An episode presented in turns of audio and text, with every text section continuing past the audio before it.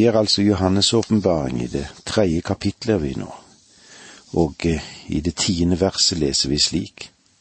Fordi du har tatt vare på mitt ord om å holde ut, vil jeg bevare deg gjennom den tid av prøvelser som skal komme over hele verden for å prøve dem som bor på jorden. Fordi du har tatt vare på mitt ord om å holde ut. Det er vel slik at vår himmelske Far, han vil hjelpe oss som har tatt vare på Hans ord. Det var ikke slik som det var i Noas dager. De hadde jo ikke Guds skrevne ord. Men likevel så dømte Gud dem. Men de hadde en mann som hadde brakt budskapet til dem. Litt annerledes er det i dag. I dag har vi Guds ord. Guds ord er spredt på utrolig mange måter og over alle kontinenter. Bare tenk på hvilken fantastisk misjon Gideon-bevegelsen har hatt med å spre Guds ord, på skoler, på hoteller, på pensjonater og sykehus over hele verden. Menigheten i Filadelfia er menigheten som trodde på Guds ord. Jeg vil bevare deg gjennom den tid av prøvelser som skal komme over hele verden, for å prøve dem som bor på jorden. Kristi siste ord av oppmuntring til denne menigheten er at Herren skal holde dem fast i sine hender. Det er menighetens håp og trøst, det. Hvis du ville òg se om dette, må du bla opp i Titus sitt brev kapittel to vers 13, så vil du se hvordan det er at menigheten er håp og trøst. Slik er den tålmodige ventningen for den kirken som har det på denne måten, gjennom tro og tålmodighet arver løftet, som det står i Hebreerbrevet 6,12. Menigheten ser i første rekke heller ikke frem mot den store trengsel selv om det nok kan holde ut i de frykteligste forfølgelser. Det kan du se om flere steder i åpenbaringsboken, men det er heller slik at en ser frem til Hans komme. Den tid av prøvelse virker å henvise til den store trengsel. Den er verdensvid. Etter at forløpet til dette dramaet, som skrives mer om i kapittel fire og fem, så møter vi det i åpenbaringen 6-19, den store trengselsperioden. Dette er en tid som han sier skal komme over hele jorden for å prøve dem som er på jorden. I en annen oversettelse er formuleringen litt annerledes. I denne vi nå har foran oss, er slik vil jeg bevare deg gjennom den tid av prøvelse som skal komme. Men i den andre oversettelsen så står det slik. Vil jeg og fri deg ut fra den prøvelsens stund som skal komme over hele jorderiket.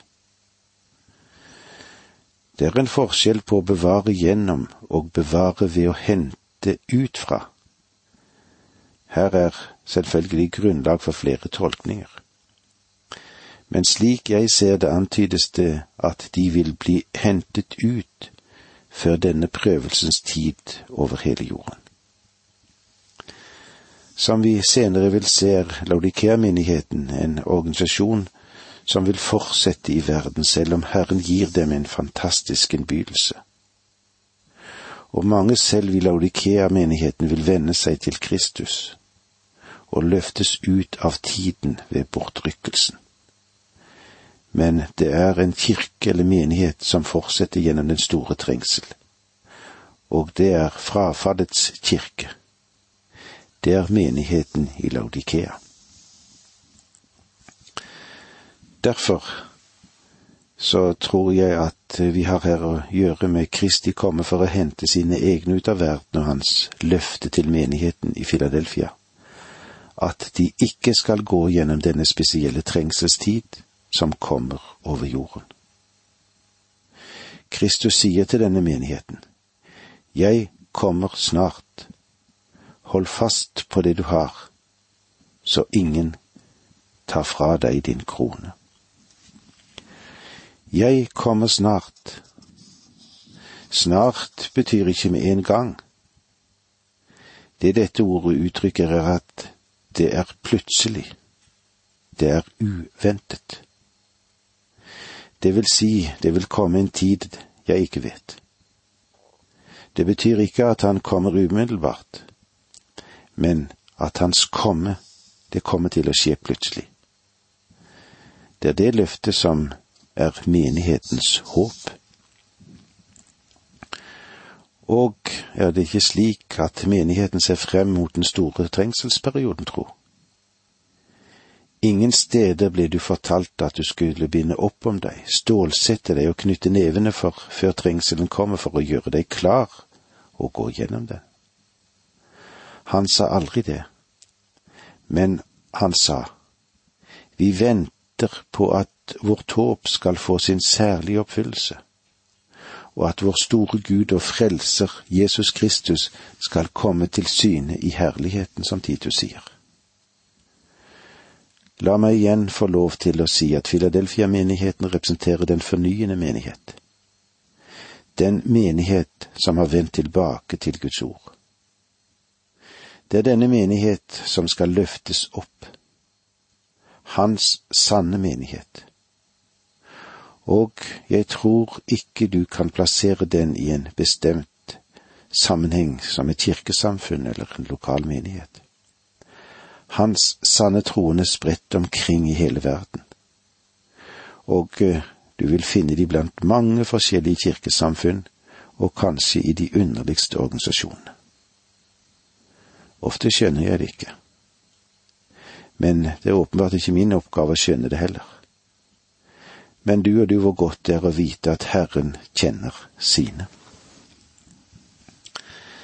Vers tolv i kapittel tre. Den som seirer ham, vil jeg gjøre til en søyle i min Guds tempel, og aldri mer skal han forlate det. Jeg vil skrive min Guds navn på ham sammen med navnet på min Guds by. Det nye Jerusalem som kommer ned fra himmelen fra Gud, og også mitt eget nye navn. Det finnes to søyler i Filadelfia i dag. Det ene dreier seg om den bysanistiske kirke, som vi ikke tror det henviser til her. Men det finnes også en annen søyle. Og denne søylen er alt det som er tilbake fra byen som lå der da Johannes var der, eller på Johannes sin tid. Den som seirer, ham vil jeg gjøre til en søyle i min Guds tempel. Menigheten her nede ble ødelagt men det står en søyle igjen, som minnet om en troende rist. Jeg vil skrive med Guds navn på ham sammen med navnet på min Guds by, det nye Jerusalem som kommer ned fra himmelen fra Gud, og også mitt eget nye navn. Det er pass og visum for den troende som gjør han i stand til det, som en himmelens borger og vandre fritt i hele Guds univers. Dette er en fantastisk formulering av et fribrev for dem som hører Kristus til. Jeg vil skrive min Guds navn på ham, og også mitt eget nye navn. Dette er hans navn. Vi har ikke et nytt navn. Han sier at han har et nytt navn for seg selv som han vil gi oss. Dette nye navn er et personlig fellesskap som vi vil ha med ham. Vers 13 Den som har ører, hør hva Ånden sier til menighetene. Herren har et budskap som han vil gi hver av disse menighetene. Dette angikk den lokale menighet, men den angår oss som lever også i dag. Tenk gjennom dette til vi møtes igjen neste gang. Takk for nå, må Gud være med deg. Dette undervisningsprogrammet består av to deler. Åge Nevland fortsetter nå med andre del av dagens undervisning. Vi er i Johannes' åpenbaring, og vi er til stede hvordan det er med brevene til de syv menighetene der. Og nå er vi kommet til Kristi brev til menigheten i Laudikea. Dette Kristi brev til menigheten i Laudikea er det siste av de syv brevene. Laudikea, det blir kalt eller betegnet som kompromissenes by. Denne byen ble grunnlagt av Antiokus den andre, omtrent i årene 261 til 246 før Kristus. Den hadde en seloketisk bakgrunn. Seljokus var en av Alexander sine generaler som overtok Syria. Luki Markus, han tok Lille-Asia, men Selokus, grådighet, fikk han også til å ta noe av dette området, inkludert denne byen. Laudikea lå omkring syv mil øst for og inn i landet fra Efesos, ved Lykuselven som føres inn til Meanderelven. Byen er plassert slik at den av og til kalles for porten til Frygia. Fra Orienten kom de store kamelkaravanene ned gjennom Frygias port og gjennom Laudikea. Denne karavaneveien kom østfra dro videre til Efesos, til Milet, og også opp til det som i dag heter Ismir, men som var Smyrna på den tiden. Laudikea lå i en stor dal. Ruinen er vesentlig dekket med ville vekster. Navnet Laudikea betyr rettferdighet for folket. Den fikk sitt navn etter Laudike, som var Antiokus sin hustru. Selv om det var flere byer ved samme navn, så var denne den mest berømte. Mellom Laudikea og fjellene i Frygia var det en, det en dalgang, et stort anatolisk tempel for den frygiske guden, men Karo. Dette var områdets primitive fruktbarhetens gud. Tempelet var selve sentrumet for hele samfunnet. Ja, det var sentrumet for administrasjon og handelsvirksomheten i regionen. I nærheten så var det en stor markedsplass, og folk kom fra alle steds fra for å handle. Ja, her var det en stor aktivitet, ja, det var kolossalt aktivitet rundt i dette området. Laudikea var en meget velstående handelsby. Den var preget av gresk kultur. Her hadde en både vitenskap og litteratur. Det sto i høy sete, dette. Det hadde en høy posisjon. Den skrøt av sin utmerkede medisinske utdanning. Her utviklet de det som ble kjent som den romerske verden, som frygisk furtur, en salme for øreøyne. Laudikea var også et finanssentrum. Cicero holdt hoff her, og så foregikk mye av hans forretningsvirksomhet her. Jupiter, ikke Seves, var den som først og fremst ble tilbedt i Laudikea. Byen ble til sist forlatt på grunn av stadige jordskjelv. De imponerende ruinene som finnes der av to romerske tater. Et stort stadion. Tre tidlige kristne kirker står der fremdeles. Selve byen er ikke utgravd ennå, det vil si at ruinene vises tross alt det som er grodd over dem gjennom århundrer. I disse dager samles det midler for å få fart på utgravningen av Laudikea. Og jeg skulle ikke hatt noe imot å vært en del av et slikt arkeologisk team. Laudikea var et betydelig industrisenter. Og der produserte de tekstiler. Og så laget de en spesiell øyensalve. Fra ruinen i Laudikea, der har du en ganske god utsikt mot det området der Colosseum ligger, og likeledes Hierapolis, der det er varme kilder. De, de mest imponerende ruinene finner vi ikke i Colosseum eller Laudikea, men i Herapolis. Fjellsidene her er underlige. De har en merkelig farge. Folk tok leire fra disse fjellsidene, blandet dem med nardus og produserte dermed en salve som ble brukt både for øynene og for ørene. Denne salven ble eksportert til hele det romerske riket.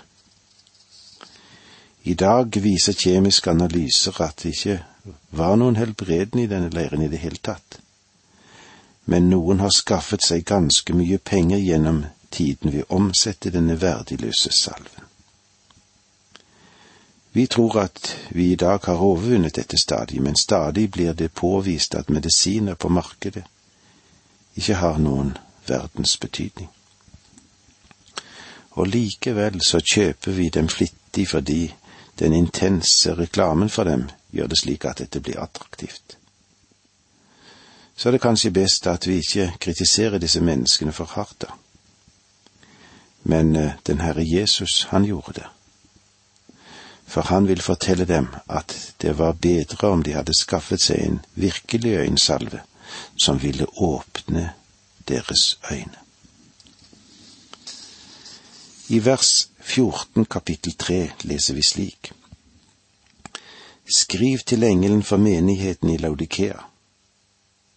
Dette sier han som er Amen, det trofaste og sannferdige vitne, opphavet til Guds skaperverk. Dette er det eneste sted i Bibelen der Amen er et navn. Det er et navn for Kristus. I Jesaja 65, 16 kan det hete Den Gud som er Amen. Og i andre Korinterbrev 1.20 leser vi slik For så mange som Guds løfter er, har de fått sitt ja i ham. Derfor sier vi også ved ham vårt amen til Guds ære. Den Herre Jesus er dette amen. Han har det siste ord. Han er alfa og omega. Han er den som skal fullbyrde alle Guds løfter, og han lar laudikeerne forstå dette fordi det er den menighet som har fornektet Kristi guddom. Ordet amen er det eneste han trekker ut av syn av seg selv, som vi fant det i hans i det første kapitlet. Det trofaste og sanne vitne dette sier oss at den Herre Jesus alene er den som vil åpenbare alt og si oss alt. Dette er en tid der det er vanskelig å høre sannheten. Sannheten er vanskelig for å trenge gjennom i våre medier og vår, i vår informasjon. Det er kanskje mer hjernevasking enn sann, sannhetsformidling gjennom våre medier. Hvem kan vi tro på? Hvem tror du på, og hvem tror jeg på? Vel, der er én som er det trofaste og sannferdige vitne, selv i en frafallstid. Selv der hvor vi tror Guds ord skal forkynnes, er det ikke alltid at han kan tro det de sier i vår tid. Altfor ofte har den spilt seg selv utover sidelinjen og har ikke et troverdig budskap. Opphavet til Guds skaperverk betyr at Han er skaperen. Vi lever i en tid der myten om evolusjonsteorien er den som er allment akseptert. Det er den som har sagt at det bare finnes to forklaringer på universets opprinnelse. Den ene er spekulasjon, fordi ingen var der og så det, og ingen kan egentlig gi svaret. Den andre er åpenbaring, det Guds ord sier oss.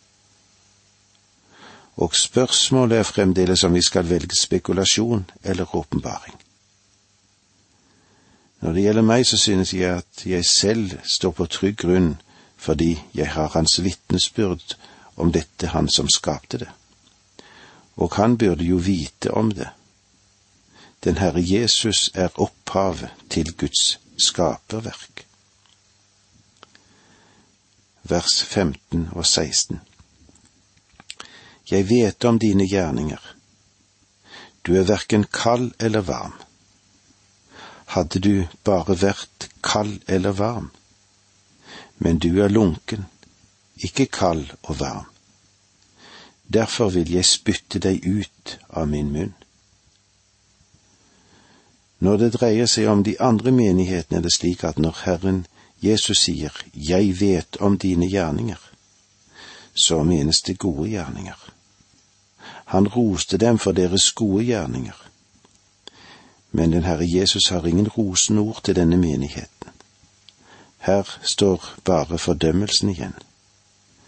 Selv gjerningene her er ingen gode gjerninger. De er onde gjerninger. Jeg vet om dine gjerninger, du er verken kald eller varm. Slik er det budskapet som vi må stoppe opp for i dag. Hvor står du? Tenk igjennom dette til vi møtes igjen neste gang. Takk for nå, må Gud være med deg.